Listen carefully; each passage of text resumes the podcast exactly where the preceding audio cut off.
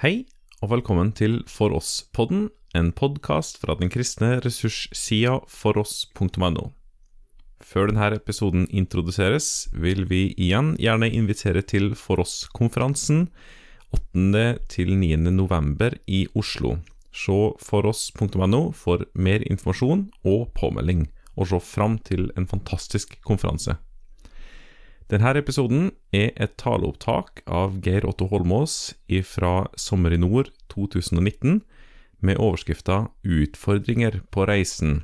Hvordan leder Gud oss gjennom livets kamper, bølgedaler og gleder? Fint å se dere igjen. Uh, utfordringer på reisa er tittelen på dette seminaret. Jeg er blitt bedt om å snakke om hvordan Gud leder. Jeg merka meg at uh, Kurt snakka om uh, overraskelser på reisa, men han snakka jo veldig mye om utfordringer på reisa også. Når jeg nå skal snakke, så kommer nok jeg til å snakke like mye om overraskelser som utfordringer.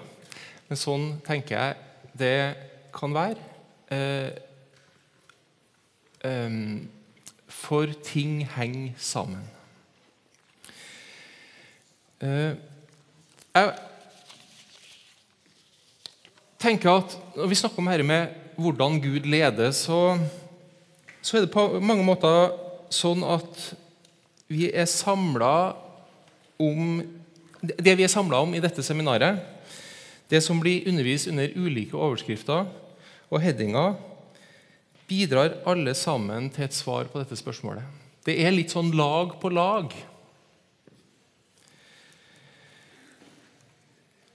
Og det vil også bli noe overlapp. Men jeg tenker at sånn er det også med den kristne sannhet. At uh, den er uh, Den, den uh, Den er, i, er, på en måte enkel. Og så tenker jeg også at Når vi er samla på et stevne som dette her, og um, Uh, Gud legger noe av det samme på ulike talere, så handler det også noe om hva Gud ønsker å få fram og trykke på akkurat nå.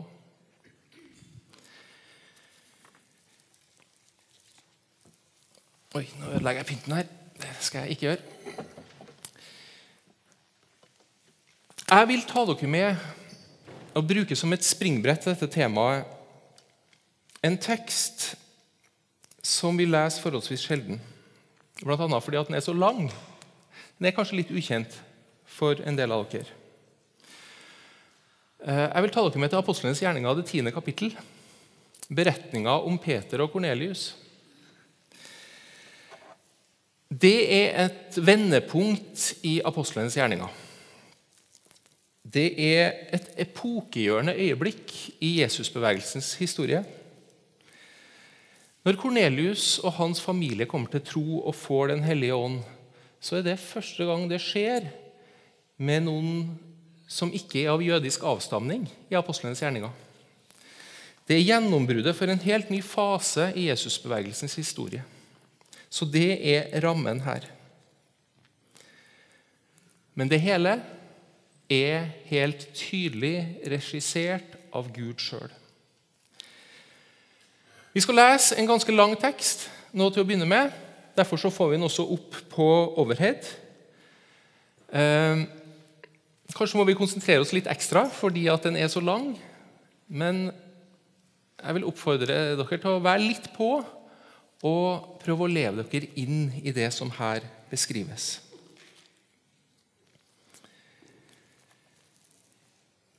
I Cesarea bodde en mann ved navn Kornelius, som var offiser ved den italiske bataljon.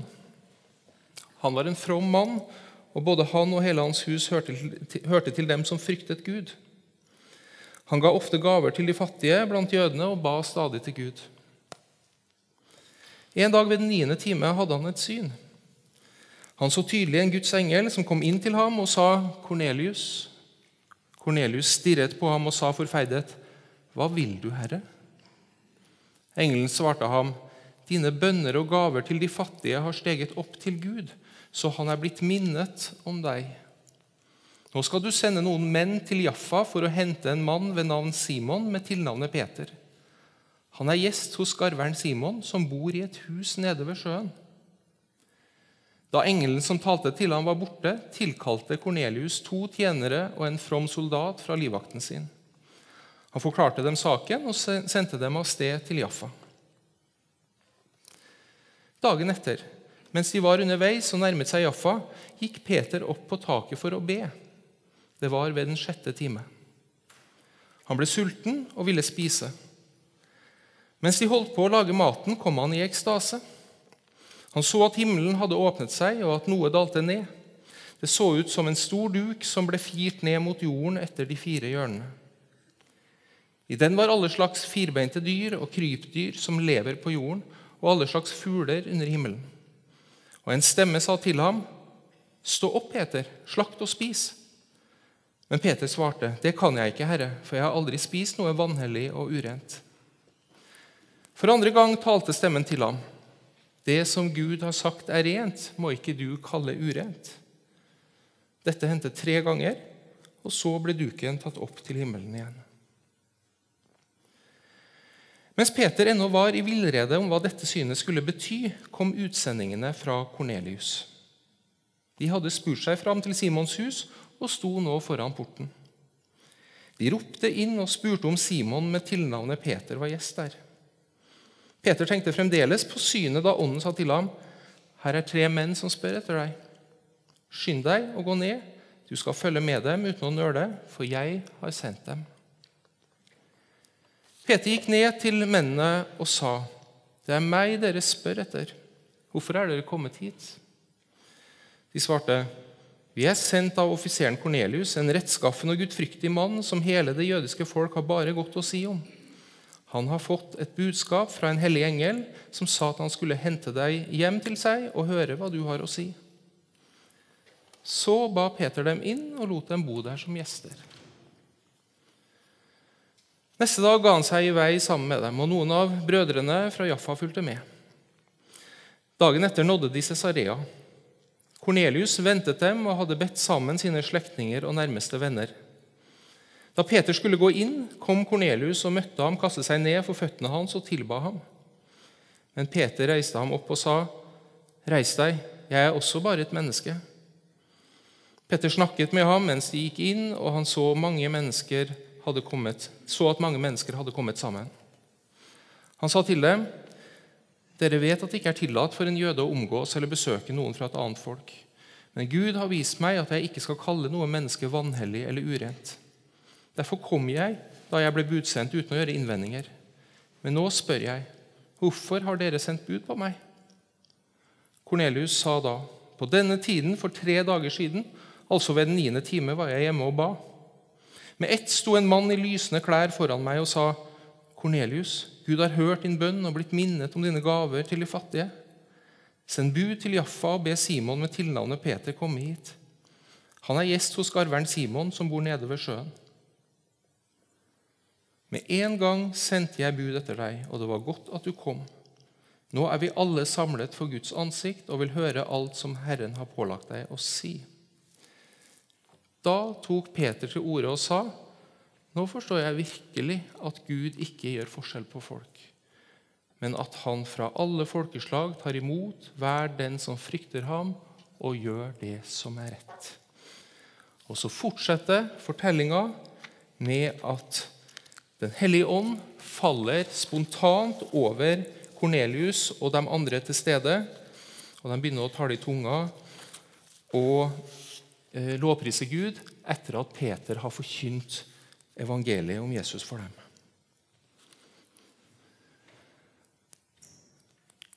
Dette er en utrolig fascinerende fortelling fra mange perspektiver. I dag så vil jeg bruke den som et springbrett til å snakke om Guds ledelse.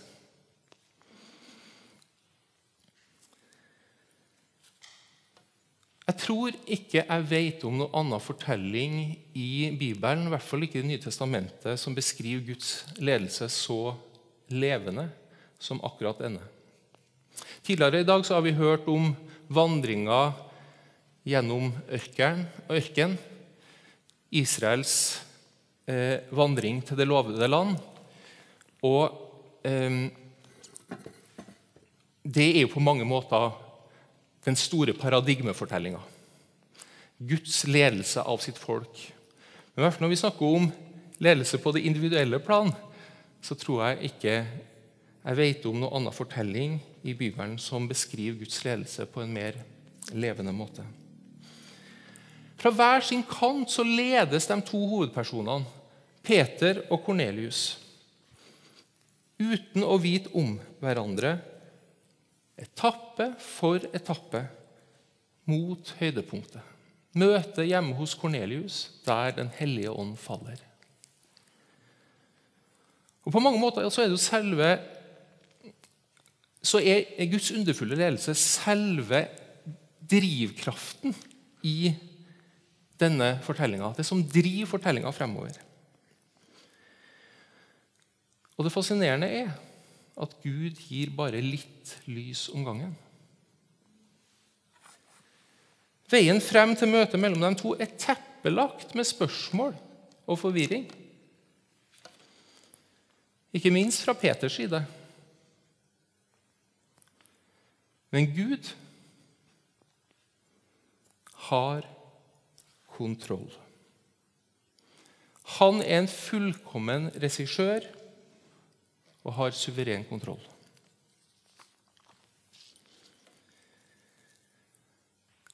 Måten Gud leder Peter og Kornelius på, er jo på mange måter ekstraordinær. Engler, visjoner, Tydelig hørbare himmelstemmer er ikke hverdagskost når Gud leder. Heller ikke i apostlenes gjerninger med en sånn tetthet som her. Og Det sier oss noe om hvor helt spesielt og epokegjørende det er, det som vi leser om her. Ikke minst Peter trengte nok alt dette her for å bli overbevist om noe som snudde opp ned på hans innlærte religiøse tankesett. Men det står ikke i veien for at ikke vi kan lære noe om Guds ledelse gjennom denne fortellinga. Hvordan Gud leder oss, hvordan Gud leder i dag. Og at vi kan gjenkjenne også noe av det vi har lært med vandringa av Gud i eget liv. Hvordan forholder vi oss når Gud trekker i oss? Når Den hellige ånd har vist oss noe, når vi skjønner at Gud vil oss noe bestemt Det kan jo skje det stille i min vandring med Gud fra dag til dag, eller det kan skje gjennom en herlig opplevelse på fjellet, som jeg snakka om i går.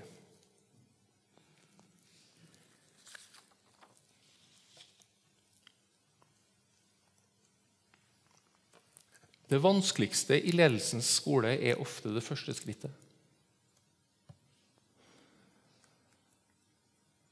Og det skrittet heter lydighet. Jeg kommer tilbake til det stikkordet også i dag. Jeg tror ikke sjelden vi dypest sett vet hva Gud vil og har kalt oss til. Men så er det ting som holder oss igjen. Og Kanskje sitter du her i dag og kjenner at det er noe av situasjonen for deg.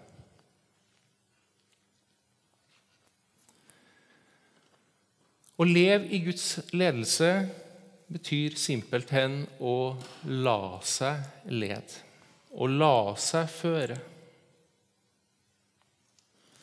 Men det kan være vanskelig nok, fordi det handler om å gi slipp på kontrollen. Å overlate seg i Guds hender og stole på at han vet best.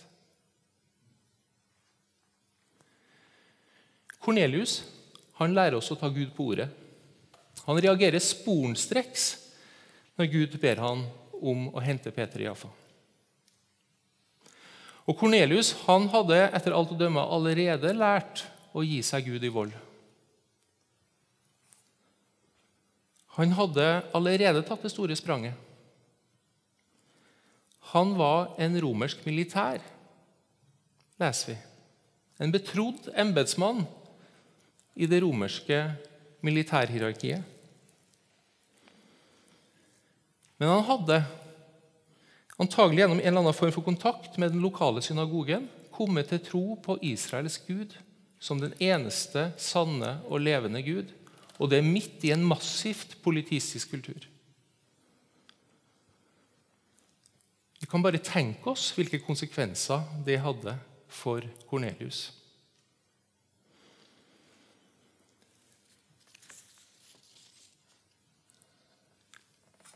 Jeg tror vi noen ganger kan ha litt overfladiske forestillinger om det her med Guds ledelse. Litt sånn Om Gud er så opptatt av å lede meg, så vil han vel få det igjennom. Så vil det vel gå av seg sjøl.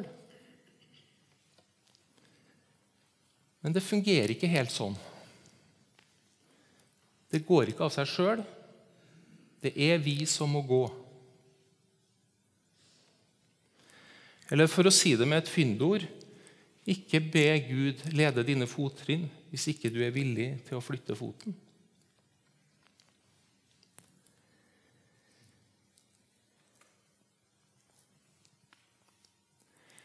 Jeg vet ikke om dere la merke til det, men I det vi leste, så ble både Kornelius og Peter introdusert som bønnens mennesker. Begge blir det. De ber regelmessig til faste tider. Kornelius ber i tråd med jødisk skikk ved den niende time, sto det. Peter ved den sjette.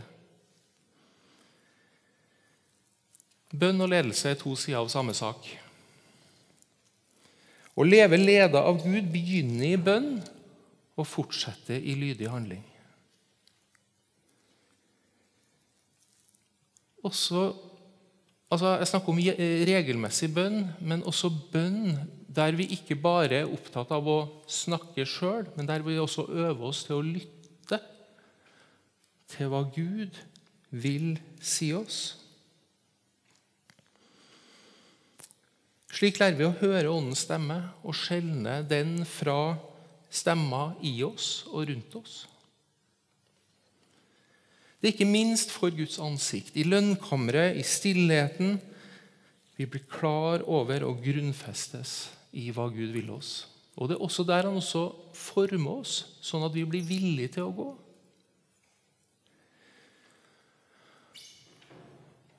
Jeg tror ofte at vi har lett for å tenke at det er gjennom de åndelige krafttakene at det store skal skje, og at Gud skal ta til oss. Men det regelmessige er egentlig mye viktigere. At vi øver oss i å leve i Herrens nærvær. Regne med Hans nærvær, bevisstgjøre Hans nærvær i det daglige.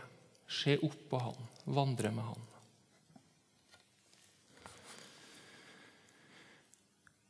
Hvor mye vil Gud vise oss? Naturligvis fins ikke det noe fasitsvar på det. Men jeg liker å bruke et bilde som jeg tror i hvert fall treffer noe viktig. Guds ledelse er som å følge ei T-merka løype i fjellet. Turistforeningas røde T-er. På ei reise der vi ikke har med oss kart eller GPS. Og ei reise vi foretar første gang. Vi vet at det ligger ei hytte i enden. Men for å komme dit så må vi gå fra rød T til rød T. Gud viser oss nok til at vi med troens øye kan se at vi går på den rette veien. Derfor stoler vi på at han vil lede oss frem til målet. Men det er ikke sånn at Gud viser oss alt på en gang. Faktisk er det sjelden at han lar oss se mer enn én til av gangen.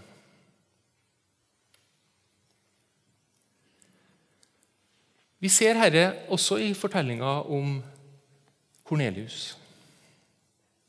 To ting får han høre av engelen. Et bekreftende ord. Gud har hørt din bønn.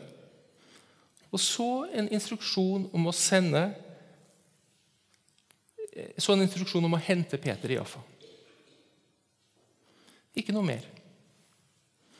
Ikke noe nærmere om hva som skulle hende. Ikke så mye som en antydning engang om det som skulle skje tre dager etter i hans eget hus. Sånn tenker jeg det ofte er også når Gud leder oss. Vi ser ikke hele bildet før vi er fremme. Og hva Gud egentlig ville med det vi går igjennom, ser vi også veldig ofte bare i tilbakeblikkets lys. Men da kan vi ofte se at hans planer var større enn det vi hadde tenkt ut. Det vi hadde forestilt oss. Det vi hadde planlagt. Hvorfor er det sånn at Gud sjelden viser oss mer enn neste til? Det er fordi at kristenlivets modus er tro.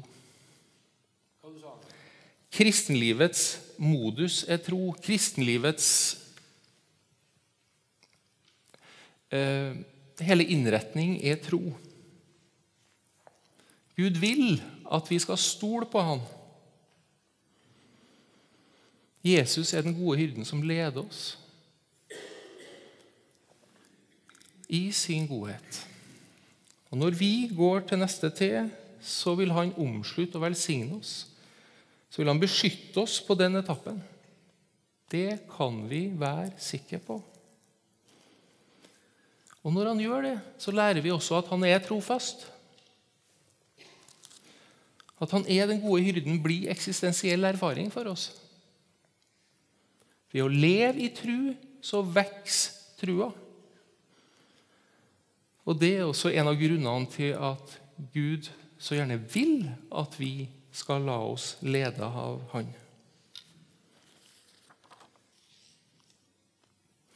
Vi har gjerne en innebygd, innebygd trang til kontroll. Hadde det opp til oss, så ville vi gjerne se hele bildet med en gang. Sånn tror jeg det er for de aller fleste av oss. I noen sammenhenger i dag så blir det ofte sagt at vi alltid kan vente oss et ord fra Gud. Og at vi egentlig er ment å flyte i det profetiske hele tida.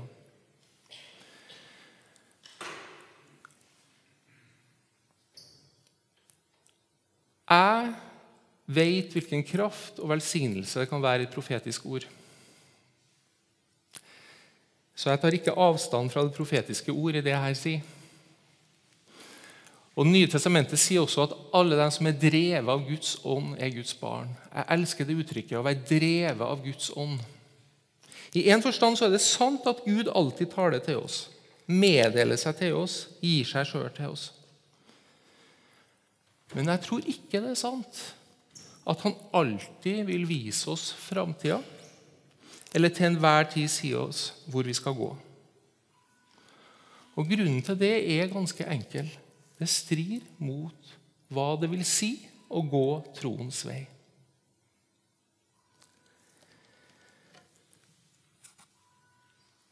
Men det strir også mot det sant menneskelige, egentlig, hvis vi tenker etter. Det fins måter å forholde seg til Guds ledelse på som er overåndelig. Igjen kommer jeg tilbake til ting som jeg var inne på i går. Først og fremst så handler dette om å la seg lede. Å være lydig de gangene vi kjenner Åndens tilskyndelse og kjenner oss rimelig sikre på at det er Gud som tar det. Og Da leder Gud oss til neste røde T. Og Derfra så kan han ofte gi oss nytt utsyn og betro oss nye ting når vi har vært lydige. Å bli ledet av Gud er ikke å gå på åndelig autopilot, der vi kobler ut mesteparten av det som heter eget vilje og eget initiativ. Det er jo, satt, det er jo virkelig et eh, litt ekstremt eksempel, men jeg har vært borti tilfeller der mennesker ikke kan velge hva de skal ha til middag uten å ha en indre sanksjon fra Gud. Og det er svermeri. Og det ser bort fra at vi er mennesker som Gud har skapt med vilje, kreativitet, initiativ, forstand, og at han har gjort det med en hensikt.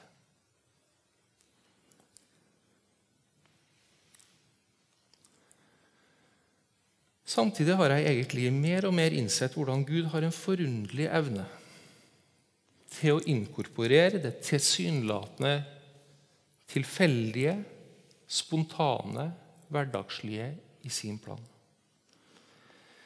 I det som syntes å være en tilfeldig hendelse, har jeg ettertid kunnet si at Gud åpna en ny dør eller lært meg noe viktig. Situasjoner der jeg minst tenkte på Gud eller venta at han skulle gripe inn, var han i sin suverenitet i stand til å bruke.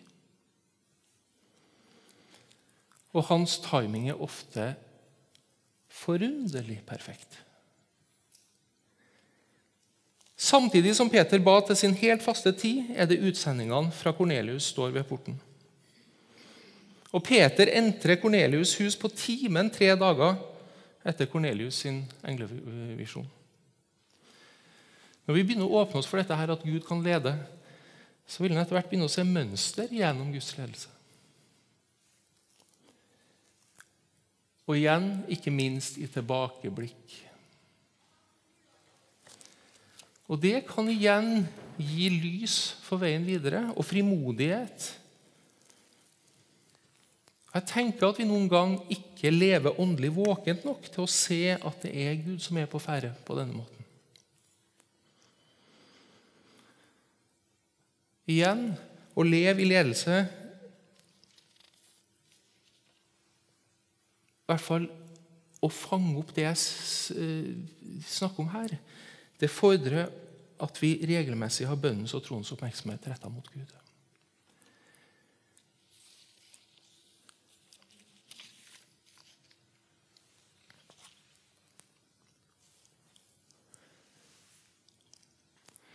Kanskje er du her som kjenner at du er på et helt annet sted. Kanskje kjenner du at du bega deg ut i det herligste solskinn, men nå ligger tåka tjukt, sånn at du er overhodet ikke i stand til å se neste til. Det kan komme tider i vårt liv som kristne da vi spør hvor i all verden er jeg på vei? Var det virkelig det Herre du mente, Gud? Også det kan være en del av ledelsens skole. Gud har aldri lovd at vi ikke kommer ut for uvær, eller at veien alltid skal være rettlinja eller uten humper. Og Noen ganger så kan vi også kjenne at det blir rett og slett for røft. Og det eneste vi orker, er å rope ut i fortvilelse. Hvor er du, Gud?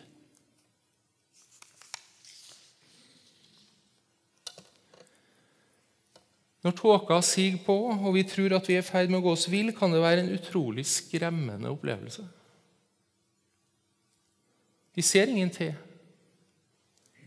Guds usynlige hyrdestav virker, og han har trukket tilbake.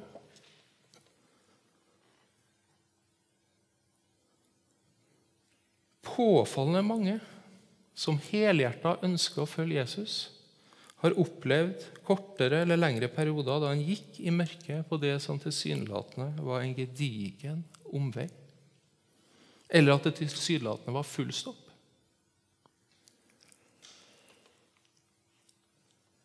Det kan oppleves som fullstendig bortkasta og meningsløs tid.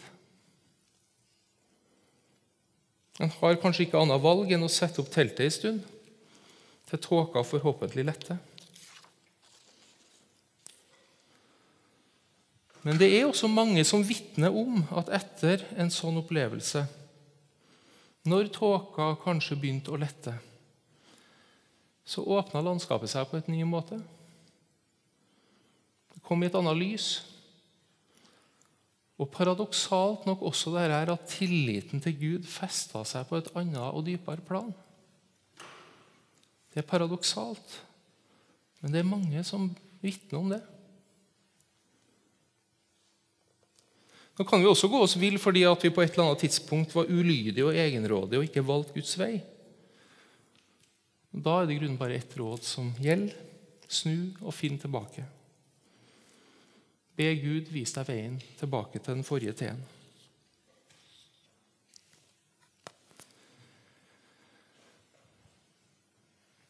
Jeg skal avslutte det jeg skal si nå først her. Eh, for jeg har lyst til å åpne for samtale og mer dialog nå ganske straks. Men et siste perspektiv som går i linje med noe som også Kurt trakk fram tidligere i dag. Det jeg har sagt, kan jo naturligvis misforstås dit hen at Guds ledelse handler om å være på en slags individualistisk føle deg fram i ditt indre reise med Gud.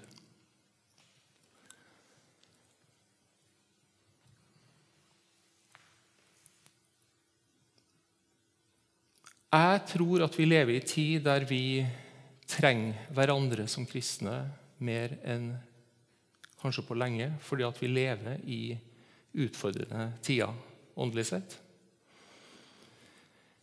Og det å også i forhold til dette med å finne Guds vei for vårt liv, søke støtte og hjelp hos kristne søstre og brødre, tror jeg har utrolig stor verdi. At vi snakker med hverandre, at vi går et stykke vei sammen, at vi er medvandrere for hverandre. Den åndelige samtalen må vi få fram og opp og verdsette høyere enn vi kanskje har gjort.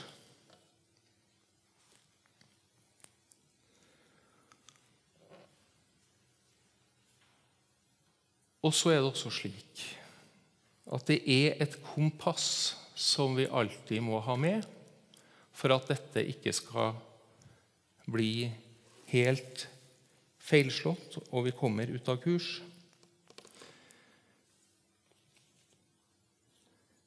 Nemlig Guds ord, Bibelen. Å tro at en kan leve i Guds ledelse uten å kjenne Bibelen, er åndelig risikosport. Og I dag så er det en tendens en del steder til å snakke om dette med Guds ledelse og høre Guds stemme som, som er i altfor stor frikobla fra dette å være forankra i Guds ord og den virkelighetsforståelse som vi finner der.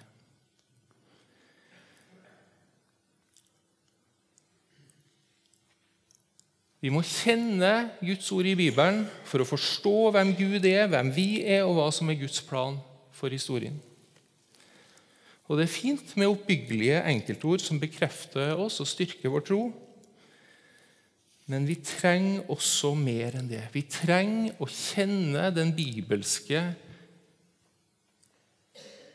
hele den bibelske fortelling.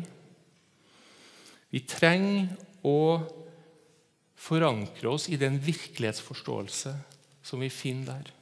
Ellers så